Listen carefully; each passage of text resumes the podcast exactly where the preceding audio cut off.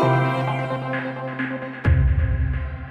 Varmt välkomna till Kulturkommissionen. Det är en kulturspodcast med mig, Greta Thurfjell och mina ärade kollegor Malin Ullgren och Johan Hilton. Välkomna hit. Tack. Ni Tack. är eh, litteratur och eh, scenredaktörer respektive eh, på DN. Men ni är inkallade hit för att prata om inget mindre än den tredje säsongen av Netflix-serien The Crown. Mhm. Vad ska vi prata om, Malin? Vad ska du säga? Förmodligen kommer jag helt tvångsmässigt att komma in på, på sexatleten Wally Simpson. jag tror att det kommer att bli så. Ja, vad kul det ska bli.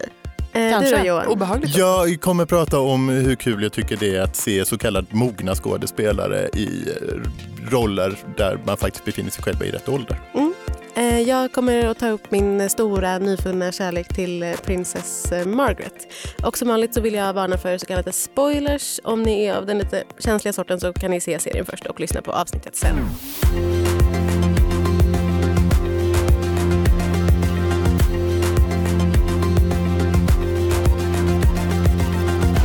The Crowns tredje säsong utspelar sig mellan 1964 och 1977.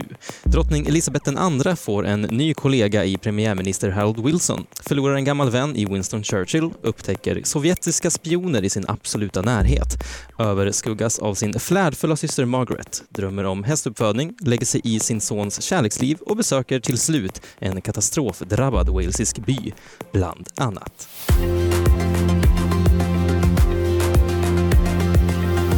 Johan och Malin, Ja, ni är inbjudna hit som... Eh, ska jag säga att ni är redaktionens främsta anglofiler? Stämmer det? Det är nämligen en bild jag har av er två. Det känns jättetöntigt att vara det. För alla i en viss generation är det. Mm, Men mm. Särskilt i generationen 70-talister tror jag. Men samtidigt så är det väl svårt att förneka ett intresse som verkar överskugga allt annat. Malin är anglofil på riktigt. Du är anglofil på nej, men jag är nog inte riktigt så anglofil Nej, ändå. faktiskt, Har du fortfarande som, Shakespeare som ditt eh, mobilskal?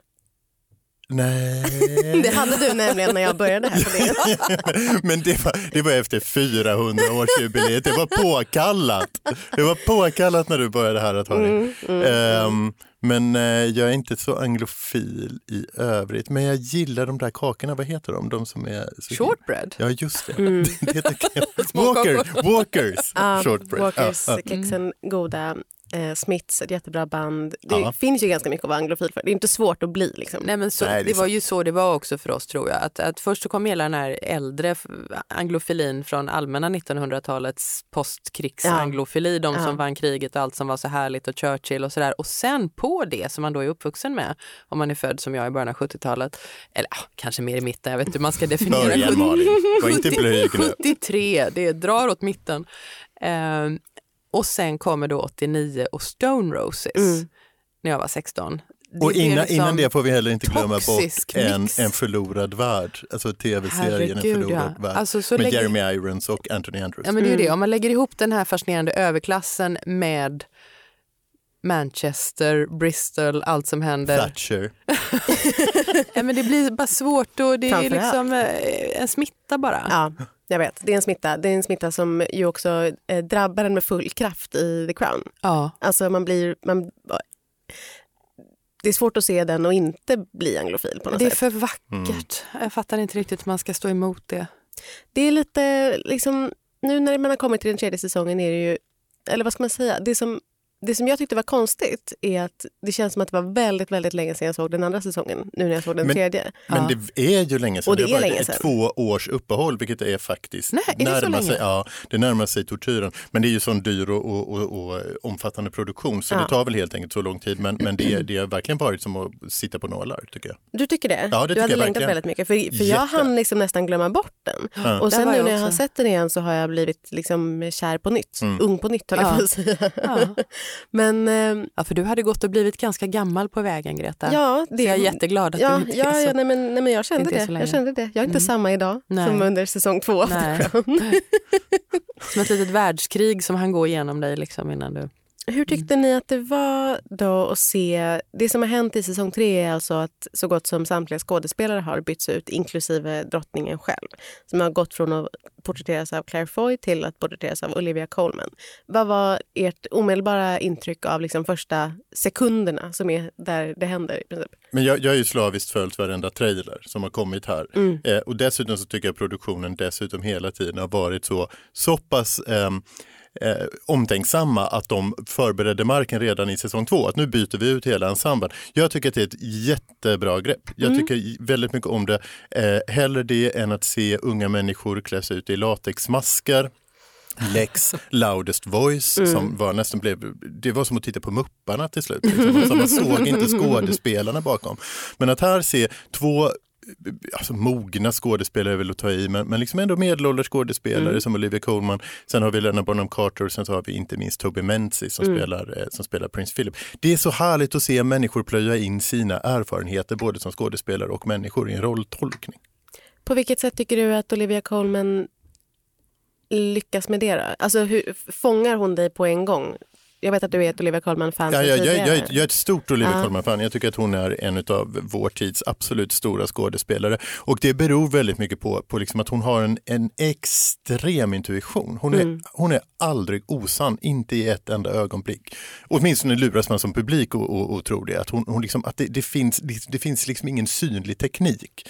Vad, vad hon gör är att agera och reagera på, på sina eh, motspelare, medspelare. Att hon är en av de där få skådespelarna som man hela tiden ser lyssnar.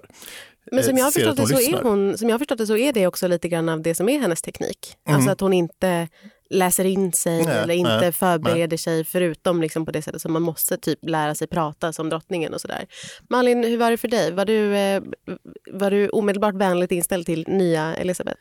I princip var jag det, för jag, precis som Och alla vad tyckte ni om det här frimärkesknepet? Där man såg gamla Jätteroligt. Claire Foy och Det nya. var, det, var, det var en jättesnygg inledning och i princip så håller jag med om att, att det, det är en jättebra lösning, precis som, som Johan säger, om att slippa den här åldrande processen som sällan blir speciellt bra.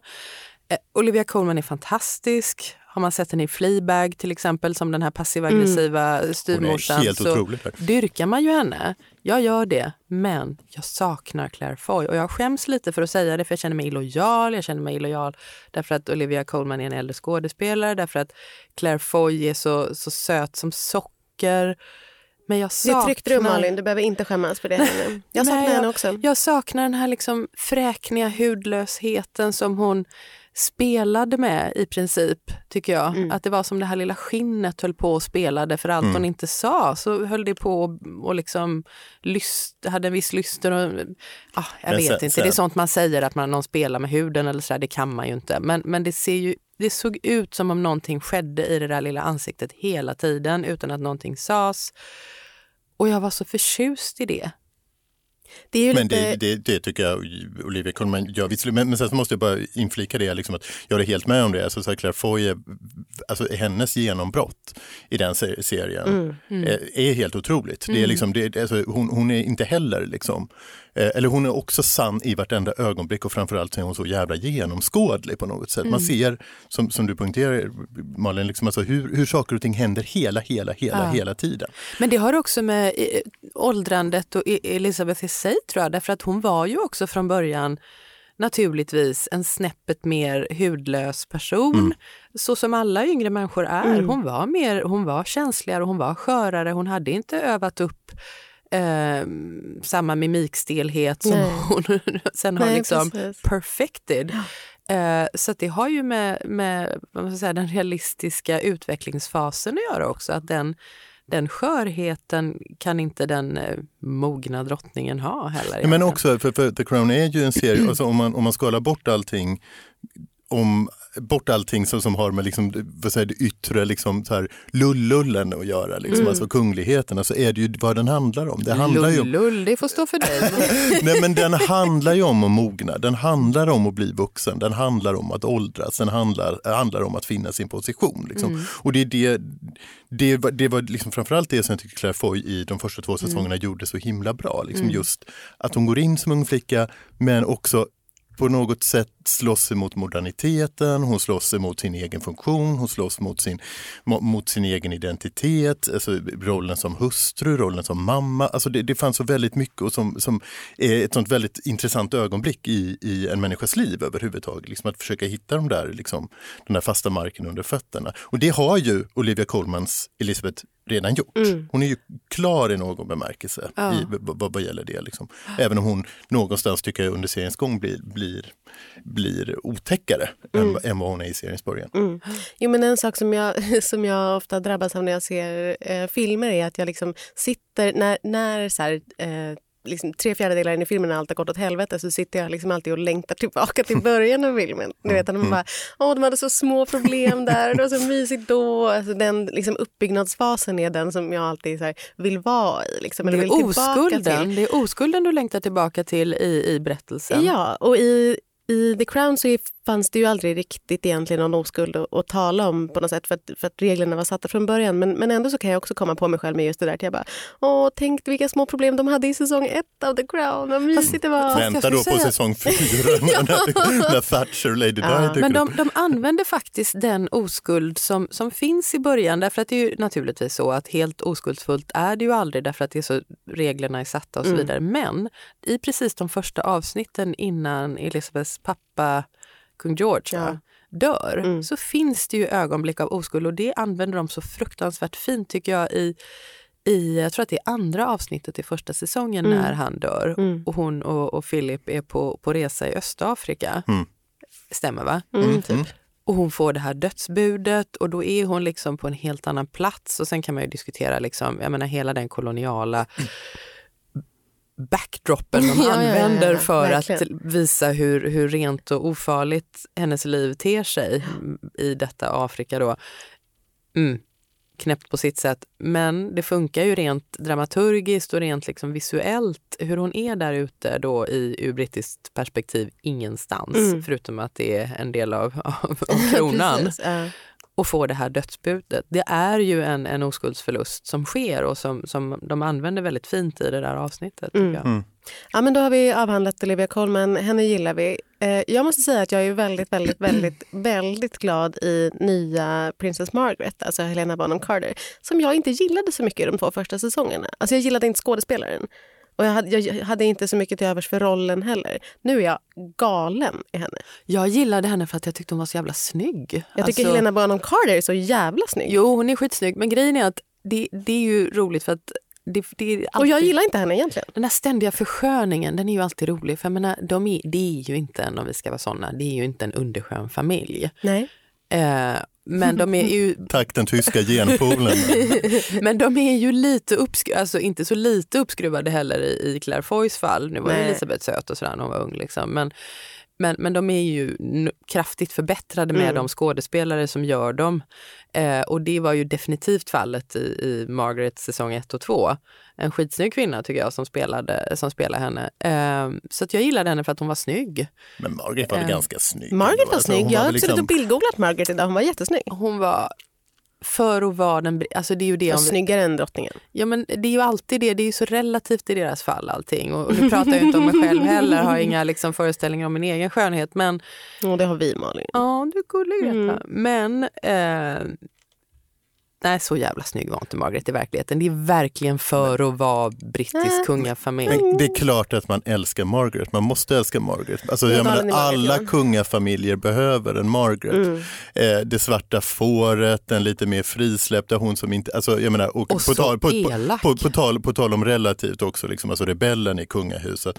Vad som händer i, i säsong säsong tre nu, det är ju liksom att nu, det är ju nu den här ordentligt mm. deprimerande mm. förfallet, eh, förfallet påbörjas ja. och det är klart att det är superintressant. Mm. Både, alltså så här, både att följa men också liksom att, att, att se en skådespelare av Helena Bonham Carters kaliber mm. och ta itu med det. För att oavsett vad man tycker om henne, det är en fantastisk skådespelare och, och vad hon gör med, med Margaret i säsong tre, det är ju liksom det, det, det är helt det, det är Underbart. verkligen otroligt. Underbart. Ja, hon Nej, äter upp galen. varenda scen hon Jag är galen med henne nu. Ja. Men, men, det som, men det jag också tyckte var, och det var därför som jag blev liksom ledsen för hon är med väldigt mycket i början av säsongen och sen så är hon inte med på jättemånga avsnitt och då handlar det väldigt mycket om prins Charles och så handlar det väldigt mycket om det ena och det andra. Och jag bara "Ah, utnyttja Margaret mer, Mm. Margaret måste vara med. Så jag blev väldigt glad att sista avsnittet var väldigt eh, Margaret eh, heavy på ett bra sätt.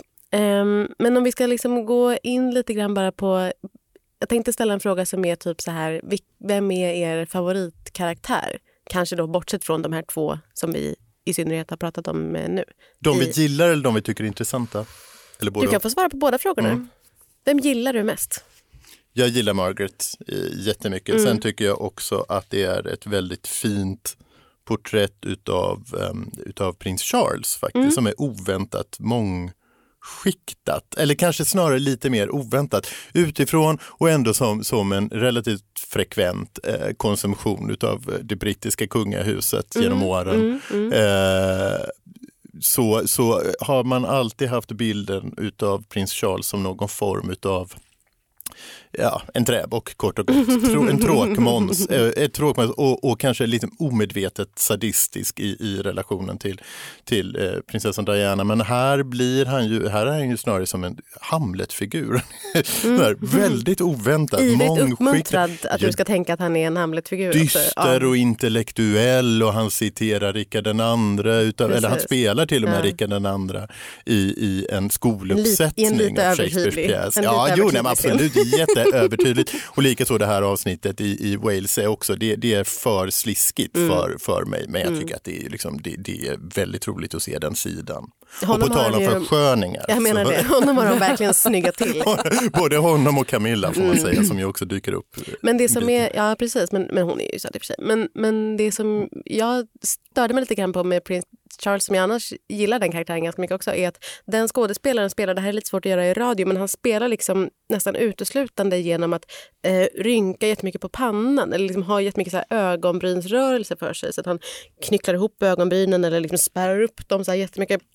Och det är efter ett tag när han har varit med i flera avsnitt i rad så blir man lite trött på att se hans liksom, eh, det är en sån- panna hela tiden. Nu, nu har jag dessvärre glömt bort vad, vad skådespelaren heter för att han är så otroligt bra i alla fall. Alltså, jag, han spelade huvudrollen i, här, i förfjolårets eh, God's Own Country som, Mm. som är fantastisk. Alltså han var så jävligt bra i den.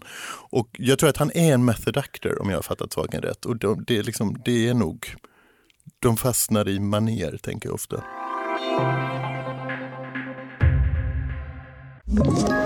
Ett poddtips från Podplay. I fallen jag aldrig glömmer djupdyker Hasse Aro i arbetet bakom några av Sveriges mest uppseendeväckande brottsutredningar. Går vi in med hemlig telefonavlyssning och, och då upplever vi att vi får en total förändring av hans beteende. Vad är det som händer nu? Vem är det som läcker? Och så säger han att jag är kriminell, jag har varit kriminell i hela mitt liv men att mörda ett barn, där går min gräns. Nya säsongen av Fallen jag aldrig glömmer på Podplay. Vi ska prata lite grann om, om eh, prins Charles och prinsessan Anne tänkte jag därför att eh, de är vuxna. Eller i alla fall unga vuxna i den här säsongen och vi har tidigare bara träffat dem som barn. Och det som händer är ju också att man introduceras för eh, paret Parker Bowles, eller paret Parker Bowles Shand. Och det här är någonting som jag vet väldigt, väldigt, väldigt lite om. Jag är, till skillnad från, från dig Malin, är inte jag särskilt insatt i den brittiska, brittiska kungahuset. Så det mesta Nej, jag har det är lärt mig har jag lärt mig av att läsa dina texter. Eh, jag blir alltid lika glad när du skriver om brittiska kungahuset för, för Mm. då får man, man lära sig ett annat. Men annars är liksom Camilla Parker Bowles, det är ett namn som jag så här, har läst på omslaget till Se och Hör, eller jag vet inte, knappt bara så väldigt lite relation Mm. till. Men i den här säsongen då så, så får, man, eh, får man början på den historien åtminstone. Vad, vad tycker du Johan om dem liksom som, eh, som vuxna? Ja, du sa att du gillar Josh O'Connor som spelar prins Charles mycket. Vad tycker du Ja, om men jag, jag, jag tycker framförallt att han är en fenomenal skådespelare. Eh, Sedan, jag, jag tycker att det, det intressanta med tredje säsongen nu, det är, och som jag även skrev i min recension av, av The Crown, det är att den börjar i jämförelse med de två första säsongerna mycket tydligare få konturerna utav den såpa som brittiska kungahuset visserligen är idag Mm. och som kulminer, alltså det kulminerade ju dels då liksom på 80-talet med, med, prins, eh, med prinsessan Diana och, och hennes död 97 men också nu de här senaste dagarna med, med eh, Prince Andrews Andrew, ja. otroliga klavertrampande i, i den här intervjun i, om, om Jeffrey Epstein. Det är väldigt tydligt tycker jag i, i, eh, i karaktären Anne så som hon porträtteras i, i The Crown. Att det är den här nödvändiga, alltså det finns det här standardgalleriet i en, i en såpopera. Det finns patriarken eller matriarken, det finns suputen eller den neurotiska hemmafrun, det finns den snälla sonen och sen så finns det alltid den bitchiga slampan. Lucy i Dallas tänker vi då, liksom, eller Sammy Joe i Dynastin. Det är lite, lite utav det som, som, som eh, Anne eh, får, får gestalta i den här säsongen. Alltså, i, utan alltså, jag menar, invektiven, utan det, men det är snarare men sex, sexuellt företagsam och ganska sträv. Eh, det är väldigt intressant. Salt. Och, salt, Ja. ja. det får man nog säga. Men vad jag tycker är väldigt, väldigt intressant det är hela den här, alltså prinsessan Anne höll ju på att bli kidnappad 1974 Ja. eh, utav IRA som försökte tränga sig in i hennes bil och där de hade, sa åt henne get out of the car och prinsessan Anne ska ha svarat not bloody likely. eh, och hela den här, och jag hade verkligen sett fram emot det här. För jag, jag, det, det är en så fascinerande historia överhuvudtaget hur hon kom helskinnad ur det här och, och hur det har präglat henne fortsättningsvis. Och såvida man inte ändrar den och förlägger den senare då, liksom alltså i, i säsong, säsong fyra, så, så, så saknar jag verkligen Jag läste det. att... Så jag, jag- förväntade mig lite att, att, att liksom rollen skulle kul- kulminera där. Ja, men jag sätt. förstår. Och det kan man väl verkligen hoppas på. Då, för att det är ju mycket som, det är mycket som de av naturliga skäl kastar om lite grann för att liksom bygga en bra historia per avsnitt. Det är tio avsnitt och så ska varje liksom vara en avslutad del nästan. Mm. Men det här är ju så Vissa sagolikt bra. Liksom, alltså det här. Men det är som, ja men verkligen, verkligen. Och det skulle göra sig bra på, Mm. på film. Får man säga. Men, men jag läste att det sista avsnittet då utspelar sig i själva verket under ganska många års tid. Mm. För det har Ja, blandat men ihop precis, saker. De har precis. kastat in det ena och det andra med Harold Wilsons sjukdom och Ja. när han blev va- återvald och sånt där. Så det är mycket som, som de eh, kastar om och det kan man ju anta att de gör lite eh, hit och dit Mm. på något sätt. Men, men ehm, ja, pr- prinsessan Anne är liksom en... Hon ska ju vara också så här... ehm, men hon är ju, alltså hon är ju liksom egentligen som, som en ung version av Margaret. Eller hon är så här Margaret innan Margaret blir liksom eh, damaged. Så att hon ska liksom, hon tar för sig hit och dit och hon har inte lika mycket officiella uppgifter som hennes bror har och, och hon kan liksom leva ett lite friare liv både, både sexuellt och eh, på andra vis. På Men samtidigt, Fast till skillnad från Margaret, ständigt disciplinerad. Ja, jag skulle precis säga det. Den verkliga Anne är ju ingen Margaret. Nej. Eh, hon, hon har kanske varit i närheten en eller annan gång. Mm. Men, men, hon Men det är mest att hon är tonåring typ. Ja, och att hon, inte, att, att hon är lite vid sidan av, av ansvarsbördan. Ja. Eh, men hon, hon har ju inte riktigt den kraften som verklig gestalt. Nej. Eh, jag tänkte på en figur som jag älskar i alla sammanhang. I The Crown, i de första två säsongerna, och han, han dyker upp nu igen. Eh, men också i de filmer som har gjorts, alltså så fort han är med så blir jag glad. Mm. Och det är eh, hertigen av Windsor. Eh, Derek Jacobi. ja, alltså eh, Wallis och Edward. Ja, ja, ja. visst. Ja, eh, den abdikerade kungen. Han, det I exil, tycker jag- i fransk ja, exil. Och Ja. fransk exil och det är som fant fantastiskt människoöde. Det blir liksom skit allt han rör vid. Mm. Och det tycker jag är så, det är egentligen en av de absolut starkaste figurerna som har funnits i, i den kungliga historien under 1900-talet skulle jag säga. Därför att han är, han är så jävla dum och samtidigt så ömkansvärd. Och, så, och det där framgår ju i de första säsongerna också, sen kommer han ju dyka upp nu igen. Men Mm. hur, dels så älskar jag det grunddramat i, i vilket sammanhang det än, det än framträder. Men en människa som har haft all den här makten och sen fattar ett beslut eller kastas ut ur den. Jag älskar exilkungligheter som visst. fenomen. Verkligen. verkligen. Därför att de aldrig igen eh, de kan utsättas för enorma prövningar men det verkar vara liksom gemensamt hos dem när man ser deras öden dramatiserade och så vidare. Att de får, hur nära verkligheten de än kommer så får de aldrig en fullständig verklighetskontakt därför att de är inte uppvuxna med den så de förstår inte riktigt, riktigt vad effekten är när privilegierna försvinner.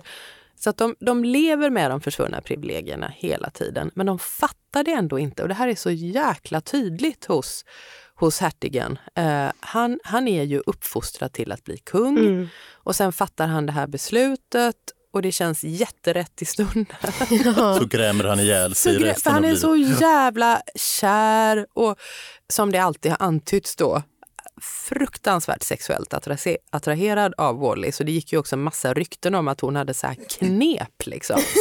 Som ingen någonsin har fått veta vad det är för knep. Oj, vad hon, ja, jo, men spännande. det fanns liksom rykten om att hon hade knep. Jag har ingen aning om vad de här knepen är. Låter som utpressning skulle jag Ja, men Alltså nej, men alltså sexuella Ja, knep. Därför att man kunde liksom inte föreställa sig hur någon kunde vara, bete sig så fruktansvärt ansvarslöst. Så att det var liksom tvunget att byggas historier om Ja. hennes så här, nästan magiska Ja. sexuella knep. Om det hade varit en annan, ett annat århundrade hade hon liksom varit häxa. Ja, det hade så. hon. Ja. Så under 1900-talet blir storyn att den här bruden kan grejer som ingen annan kan. Det är liksom den enda förklaringen till att någon gör någonting så Okej. huvudlöst. Ja. Den här stackars mannen är förtrollad av knep. Men för man Men- kunde men inte det ju- tänka sig att det bara var liksom att någon hade blivit väldigt, väldigt kär.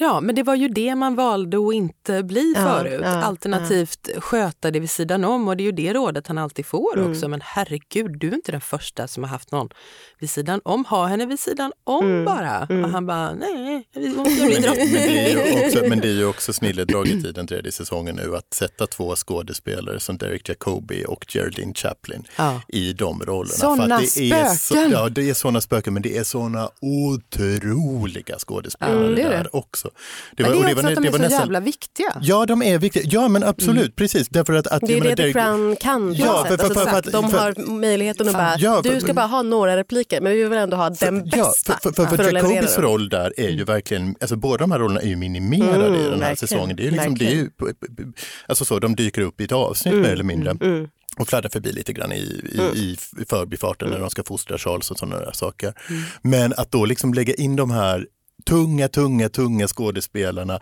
som skulle kunna bara stå rakt upp och ner och ändå fylla rutan med liksom betydelse. Det är otroligt, för det är exakt det som, som, du, är, som, som, som du är inne på nu Malin, liksom, som jag tycker att Derek Jacobi bara gestaltar i de här korta scenerna som, som, som han medverkar, den här otroliga sorgen och liksom också lite häpenheten över att livet bara passera förbi i någon Ja, för, mån. det, det är det jag tror är så starkt. Alltså för mig är det, här, det är därför jag älskar de här exilkungligheterna och i synnerhet honom. Därför att jag tror att också att det, det här tror jag faktiskt är en av de saker som är svårast för oss vanliga dödliga att begripa.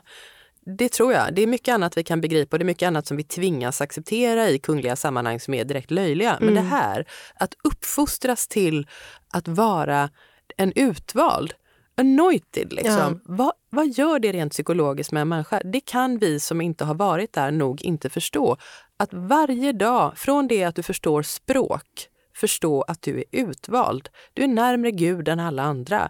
Och jag menar, även om de har reviderat den här liksom, Guds utvalde och, och så vidare.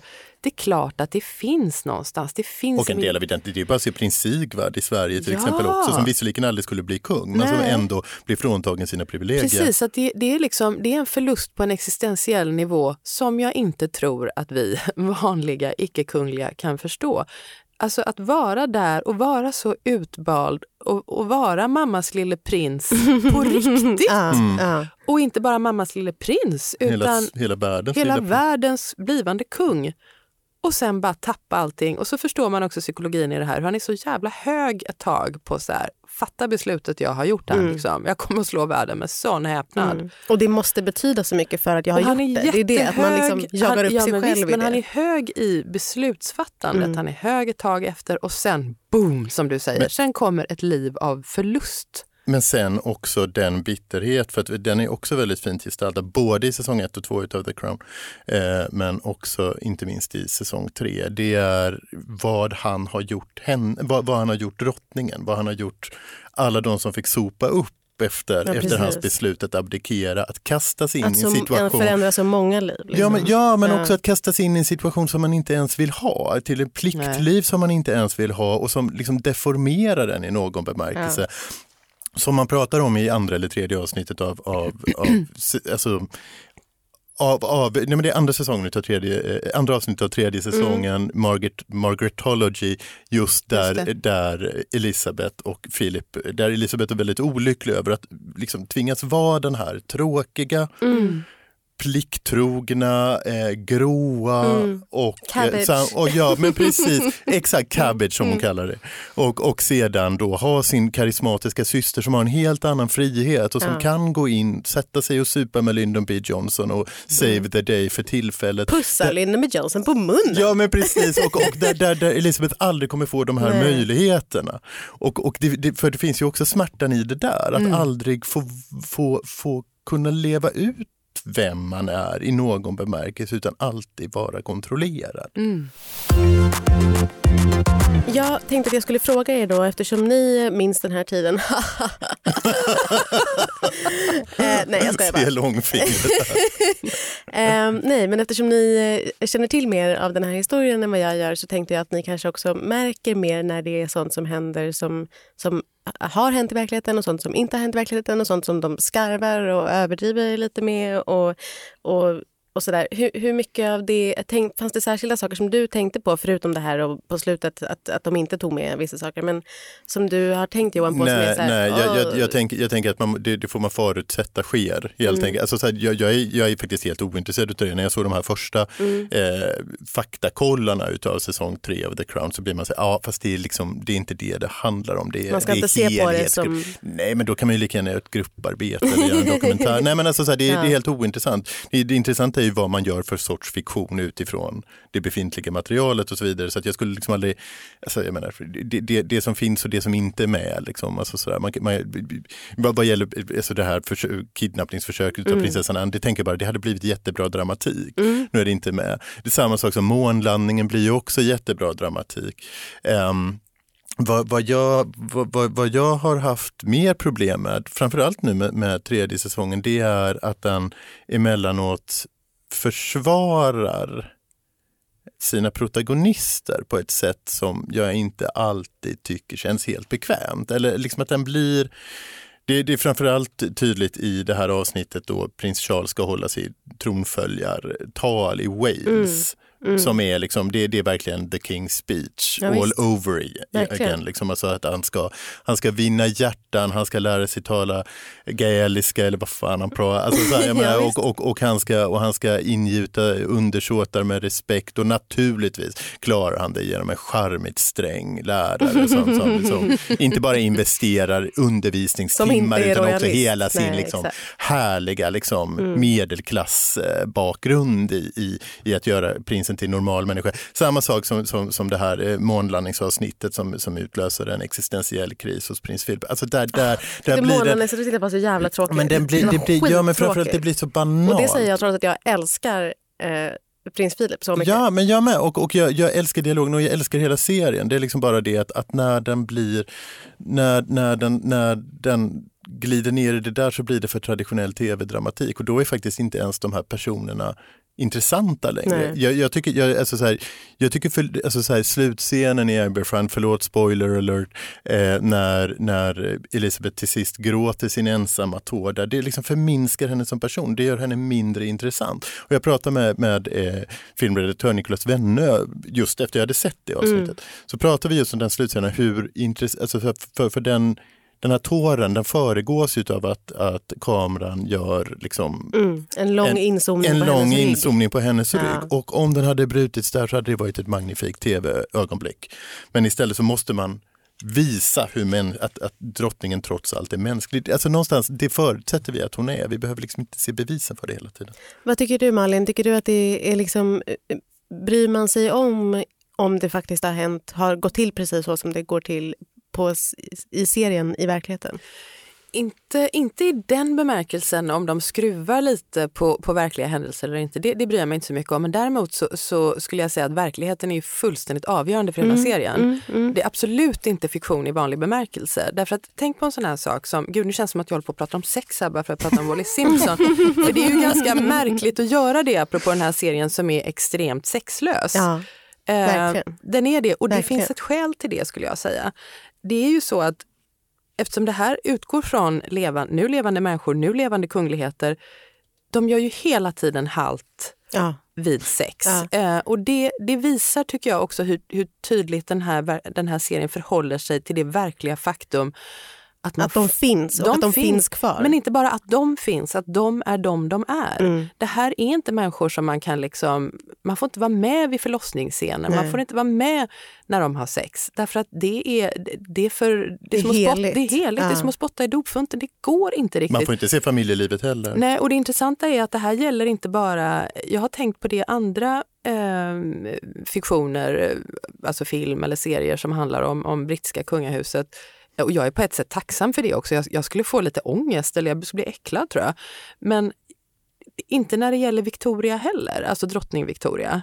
1800-talsdrottningen. Mm, mm. Där är du inte heller riktigt med i de lägena. Möjligen om förlossning i någon The Young Victoria eller någonting, jag blir lite osäker nu. Men jag tror att det, det går någon sorts... Eh, det finns, vad vad är det man säger med arkivmaterial och sådär? Att det, ja, det är hemligstämplat i ett, ett Ja, antal precis. år. 70 år kan det vara Ja. för vårdjournaler och 50 år för andra grejer och sådär. Och här verkar det finnas ett nästan 200-årig hemligstämpel därför att du måste liksom ner på 1700-talet tror jag för att brittiska tv-makare ska klara av att göra sexscener om, om kungligheter. Så jag skulle säga att verkligheten är jätteviktig.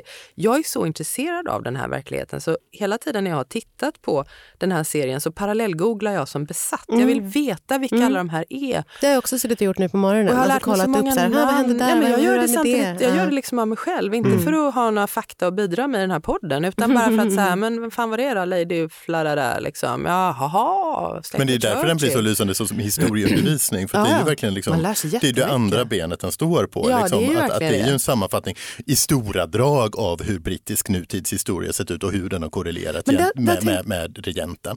Där tänkte jag på en grej med, apropå Abervan, alltså den här fruktansvärda olyckan i Wales Mm. som, som ju är ett starkt tredje avsnitt eh, som jag inte visste någonting om innan. My bad förmodligen, men, men jätte, jättehemskt. Eh, och då tänkte jag på att i den, eh, när drottningen till slut kommer dit, det är tjafs innan för att det tar, det tar åtta dagar innan hon besöker, det blir ett jävla liv. Ehm, och det är ju inte första gången i hennes drottningliv där hon anses reagera för sent. Nej. Och för det här- lite. Och för Det lite. kommer, det kommer Det igen sen kommer, 97. oj oj oj, 1997, fjärde säsongen förmodligen. Eh, men då i alla fall så kommer hon till slut dit efter åtta dagar och då tänkte jag på, men herregud hon har ju en röd kappa på sig, eller korallfärgad eller vad man ska kalla den. Mm. Och jag vet att de har tusen olika regler för hur de får eh, alltså visualisera sorg. Det där blev ju väldigt uppenbart i samband med att Diana dog, att de Mm. kunde inte flagga hitan och ditan för att det gör de bara med, med närmsta familjemedlemmarna. Men en röd kappa, var det nödvändigt? Och då började jag faktiskt googla. Det tänkte jag också på. Queen, Det tänkte jag också Red. Coat, Aberban. Ja. Jag har bara sett svartvita foton så jag har inte kommit så långt i min forskning. Jag tänker så här, hon kunde inte ha svart men undrar om hon i verkligheten verkligen valde en röd kappa på en så på en katastrofplats. Jag tänkte också att det var smak, smaklöst. Jag Jag, jag, vet det. inte om de har tänkt någonting. Jag undrar om det verkligen var så i verkligheten. Det intresserar mig. Jag måste ta reda på detta. Jag kan tyvärr inte ge ett svar än. Men att de Eller om det betyder någonting annorlunda Ja, när det en kan kung... det göra. Är det någon, uttrycker det någonting annat eller var det då bara att, att hon hade det inte i verkligheten och så har eh, man i serien valt den här röda kappan därför att den blir så visuellt Mm. effektiv Mm. mot den här förfrämligar förkolnade. henne. Ja, det kan vara, det Ja. kan vara en rent liksom. teatralt Ja. val Mm. som inte alls hänger Och ihop med osäkerheten verkligheten. hon känner inför. Liksom. Precis, men där blir jag intresserad av vad hon hade för färg på kappan. Så att, ja, jag tycker verkligheten är, är hemskt intressant i hela Ja, men det, serien. det är klart att den är intressant. Alltså, för det, det, jag vill inte säga det att, så att jag- man är helt ointresserad av hur verkligheten förhåller sig till, till eh, The Crown. Men det är ju liksom på detaljnivåerna, Ja, vilket ja. år som skedde. Mm. Så Manus, ville jag bara manus, förtydliga här. Ja, nej, men det förstår vi. Manus är ju så fruktansvärt bra, så hur de har hanterat verkligheten, det, det verkar de sköta alldeles utmärkt. Däremot är verkligheten så himla intressant därför att den är så uppenbart, den är ju serien. Ja. Och vad vi glömmer att prata om också, alltså för, Mm. för, förlåt, men, men liksom, för, för det är också det, just när verkligheten tränger sig på så är det ju eh, det andra elementet utav den tredje säsongen utav The Crown, det är ju liksom klassaspekten också, Mm, liksom, som, mm, är, som mm. är jätteintressant i mötet Hur det ständigt Wilson. stormar utanför, Ja, utanför det palatset, ja och det är liksom. strejker och det är, och det är, det är liksom ett samhälle helt i förvandling som, alltså jag menar på tal om att, liksom, alltså, att, att befinna sig liksom i, i en liksom lucka vid sida av tiden liksom, så, är, så tränger den sig till och med in i Buckingham Palace nu med, med, med Labour-regeringen och, och med en med en man, en premiärminister som i sin tur också känner sig tyngd av den tradition och plikt liksom att agera som en äkta arbetare när han i själva verket inte alls var det. Mm. Och de där mötena tycker jag, de är guld också. De är underbara mötena med Harold Jag Wilson. älskar de deras gillar relation. varandra. Ja, Ja. Det är så rörande Ja. men det är också så här, jag hatar också att man svarar så lydigt på den typen av stimuli. Åh vad fint att den Åh, fina de kunde drottningen tycker om den här liksom, lite grove socialisten. Så himla Ja, gulligt, hon är så himla fin. För hon... Mm. Och så svarar man på det så himla lydigt. Men det är ju så, Men det är ju så. Det är ju så. Det, Ja. och det är en, en tv-serie som, man, som jag tycker att man med ganska gott samvete kan titta på på det sättet. Och på, Alltså, tal, vissa- och på tal om verkligheten så ska ju detta är varit så bara- också. Det är Vissa tv-serier bara är på det sättet att man ska få titta på dem och så ska man få gå på alla tricks. Men det är också, det är Alltså man, Johan, kan ha den som, man kan ha den som Mm. man kanske förr i tiden hade eh, guilty pleasure så har man nu bara så att man bara, jag tänker köpa det här rakt av. Alltså, det är- jag tänker det inte problematisera. Ja. jag tänker inte sitta här och liksom utöva kulturkritik, jag tänker bara gå på allt. ja. Och det är samma sak, men det, men det tänkte jag också på just det här med att de ehm, förhåller sig så liksom på ett sätt hövligt, det här med att de liksom aldrig får ha sex. Det finns en scen i sista avsnittet när, när eh, Princess Margaret liksom hånglar lite grann Mm. med sin eh, 17 år yngre älskare. Ew. Och det är, alltså det, man blir så generad. Man blir så generad av det. Man bara, nej, Jag inte det helt Margaret! underbart. Jag tycker det helt, helt, helt underbart. Men alltså, så- jag, jag vill bara säga, på det hela taget så är det klart att The Crown är, sexlös. Så att vi, vi, får liksom inte, vi får inte ens träffa barnen. Nej. Jag vet inte om ni har tänkt på det alltså sådär, i någon av säsongerna. Utan det är först när de fyller någon form av konstitutionell funktion som vi får göra det. Eh, eller, Eller när de kollar på tv på månlandningen. Ja, men då är det enda exakt, tillfället då man exakt, ser exakt. dem. Men det liksom. finns faktiskt en scen, jag tror att det är i första eller andra säsongen, där det faktiskt antyds att drottningen och Philip har haft oralsex. Som jag, för jag kommer ihåg att det, det var i den scenen. Det har var i den, Nej, det är ditt nej, huvud, nej, nej, nej, nej, nej, nej, för det var ju också alltså, i, det, i den scenen som jag just kände det instinktivt. Alltså, jag Sådär sitter med handen på pannan ja, nu. Nej, Jag men alltså, så här, att, att, Malin håller på att svimma. att, att man känner att okej nu kommer vi lite för, nu kommer vi lite för nära. För det är lite som ja, men jag vet. Va?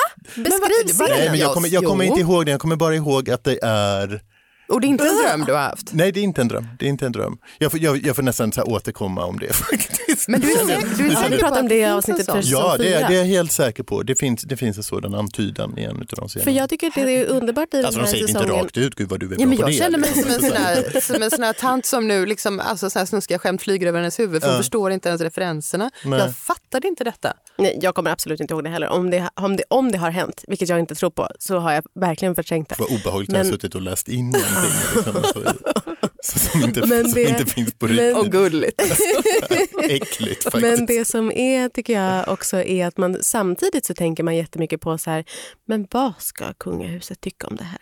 Alltså, eftersom de ju också av nödvändighet i en tv-serie som handlar så mycket om deras privatliv eller deras inre liv eller deras relationer med varandra går så nära och går så nära relationerna mellan eh, systrarna och går så nära relationen mellan alltså, eh, Anne och, och Charles och Charles och hans olika eskapader hit och dit. Det man, det man också tänker samtidigt är så här, men tittar de på det här? Alltså, na naturligtvis tittar de inte på, på The Crown, men, men, men tänker de på det? Får de höra? Och, och liksom, hur mycket har de någon kontakt? Jag tror att delar av Måste dem... de, god, de måste inte godkänna, men, men man börjar tänka så. Hovet måste ju Ja, kolla nej, men delar av, dem, delar av kungafamiljen, den brittiska, är jag helt säker på att titta på det. Jag menar, det, av all min eh, barfota Diana-forskning som jag har bedrivit från Mhm. åttaårsåldern och Mhm. framåt, från 1981 och framåt helt enkelt, eh, visar ju, har lärt mig att de har en jäkla koll på vad som skrivs om dem. De är själva intresserade, de tycker om smickret och, samtidigt som de bryter ihop när smickret uteblir. De Mm. bryter naturligtvis av med förståeliga skäl ihop när de blir eh, ja, jagade eller, eller beskrivna som idioter hit eller dit. Jag tror absolut att delar av den brittiska kungafamiljen har tittat på The Crown. Jag vill bara säga att... Säger jag med kännarmin, men jag tror Ja, ja, jag tror men, det. men, men jag tror det. För jag kan nog snarare uppleva det här att ju mer som händer just nu i Brexit, i vad som händer i liksom, alltså med prins Andrew-intervjun nu, vad som har hänt med liksom, prins Harrys och prinsessan Megans beslut om att, om att stämma tidningar Mm. för falska. Liksom. Jag, jag börjar tänka att gud vad det här kommer bli ett bra avsnitt av The Crown. Hela tiden. Alltså, så här, jag, och jag tänkte det liksom alltså just med, med när, när Boris Johnson upplöste parlamentet och skrev ett falskt tal till vad drottningen. Och man blir bara så här, gud vem ska, spela, vem ska spela Boris Johnson i The Crown? Det här kommer, det här kommer bli fantastiskt. Och nu är Eh, hon så jäkla gammal men jag, jag vet Om det ju... är en säsong jag inte vill se av The Crown så är det nutidssäsongen. Nej, alltså gud, vad, tänk dig The Crown. Jo, jag vill se allting med Theresa Andrew. May jag vill och, se allting och med Andrew, men jag orkar inte se någon bortederad Theresa May. Tråkigt, jag ska det bli. Men, och, och, och sen också så här att jag, jag, du jag går Theresa allt ofta, ja, jag älskar Theresa. Att Du jag vill ha allt Theresa May och som mobilskal på din telefon. Ja, ja, alltså, jag, jag, jag, jag skulle kunna ha t-shirts med Theresa May, jag skulle kunna dricka ur koppar med Theresa May. Eh, Gör du Du inte redan det? tatuera in hennes ansikte. Ja, det kommer hända en vacker Mm, dag. Jag Men, det. men det är också det liksom att, att, att ändå som man, som man känner att man sitter och ser den här säsongen och börjar tänka just framåt. Att man börjar tänka, vem kommer egentligen spela prins, eh, drottning Elizabeth i, de här, i, i, i femte och sjätte säsongen? Det givna valet vore väl ändå Helen Mirren Ja. som, som har gjort det första henne i tänker. alla möjliga sammanhang tidigare. Men är inte det lite tråkigt då? Men det är väl kanske det, jag vet inte. Ska man inte hitta någon ny? Jag kan tänka mig att The Crown för att, för att behålla, de vill inte ha för mycket metakänsla tror jag, även Nej. om de ibland leker med sådana saker. Så tror jag ändå att, att plocka in Helen Mirren, då, då, blir man, då befinner man sig för starkt inne i, i, eh, i fiktionen kring, i den stora fiktionen Verkligen. som, och all den enorma fiktionsproduktion som även den levande kungafamiljen har producerat. Så att det, det blir för meta. Men det finns, får jag påminna om min favoritscen? Självklart. Tack. Självfallet. Jag har suttit och klämt Är det den där, där eh, det antyds att de har haft oralsex med varandra? Spoiler alert! Nej, men det, det är faktiskt en sängkammarscen. Uppenbarligen är det här, Ja, har, det här är ju det, har varit ditt, det har varit ditt bidrag. Jag tycker det är jätteskönt att någon tar den rollen. Dra det ner min brallorna på naturliga roll i den här podden det, annars. det här är ju, det här är ju helt freudianskt. Det, det finns ju någonting på riktigt freudianskt, någonting kretsande kring föräldrar och morföräldrar i att, att liksom tanken på att, ens, att de ens skulle ha gestaltat sexualliv, det, det, jag är så glad att de inte gör det, att de är begränsade av verkligheten. Men det finns en scen där de faktiskt leker med, med en sorts ja, en metakommentar kan man säga. Det är Jag tyckte det var intimt nog måste jag säga, men, men då ligger åtminstone drottningen i sängen och jag tror att prins Philip ligger bredvid och det här är säsong ett eller två. Och hon läser, eh, var på kvällen, och hon läser sin godnattlitteratur. Och det är en, en fackbok om fullblodsavel. Ja. Och det är ju naturligtvis jätteroligt. Liksom. Eh, men annars så tycker jag att de håller sig ganska långt ifrån den där typen av skoja blinkningar. Så av det skälet så tror jag inte att Mirren... Men vad jag undrar också är hur ska man gestalta, alltså det är så mycket frågor, hur ska man gestalta Dianas död en gång till? Alltså det är redan gjort i Ah, The Queen. Att skriva Utav fram samma oskulden i den händelsen. men Nej, det är svårt. Va, kommer man vara tvungen att hoppa över det och hänvisa? Alltså för att jag menar, det, det, är liksom, det är redan fulländat i någon bemärkelse. Det är jättesvårt att föreställa sig. Men är det så att det, ska, det, det kommer i fjärde säsongen? F- femte skulle jag tro. Ah, okay. Ja, därför att ja, död, de träff- hennes död ja. Ja. ja De, träffar, de går ju fram till 77 nu. mm. Och återigen då den här bizarra kunskapsbank jag har att ösa ur. Men de träffas ju, Det är därför du är här. jag fattar det. Eh, Det är lite så här, äh, jag får bara embracea, jag börjar bli gammal, jag kan massor om brittiska kungahuset. Det har du alltid kunnat. Äter tror jag. bridgeblandning, ja jo faktiskt när jag var åtta. faktiskt, det är enda Säg intresse jag nu, haft. säg nu vad du kan. Så här då, 77 träffas de, Charles och Diana. Ja. Eh, De har nog setts någon gång tidigare också eftersom det här är de här familjerna är ju helt eh, sammanblandade med varandra som släkt och som, som eh, vänner i, i eliten och så vidare. men de träffas 77, men det ingår inte i, i serien. Så det skriver de liksom ut och sparar då till, till en fjärde säsong. Så att från första mötet då, eller första liksom medvetna mötet när de 77 eh, och sen så fram till giftermål och sådär. Jag, jag tror knappast de kommer att hinna med hennes död 97. Det, det blir för mycket för det är så himla intensivt. Hela äktenskapshaveriet Mm. i sig är Mm. ju så utsträckt och så starkt och så fullt av också moderna medier. Det är så mycket att säga. Så att trycka in det redan i fjärde säsongen, det hoppas jag verkligen inte att de Sen försöker. vet vi ju andra sidan inte heller hur mycket vi kommer få se ut av Charles och Diana i fjärde och femte säsongerna heller. Hur tänker du då? Att man kanske kommer att välja att istället för att gå allt för djupt in i deras äktenskapliga problem skildra det utifrån ett, ett modersperspektiv, liksom, där vi snarare doppar tårna Just i det, det. än, än, det. än följer, följer förloppet. Att man håller sig naturligtvis till Elisabeth som huvudperson. Precis. Ja. Med de orden så avslutar Kulturkommissionen sitt möte. Och vi som har sammanträtt idag heter Greta Thurfjell, Malin Olgren och Johan Hilton. Tekniker var Oliver Bergman. Podden är ett samarbete mellan Dagens Nyheter och Bauer Media. Hej då!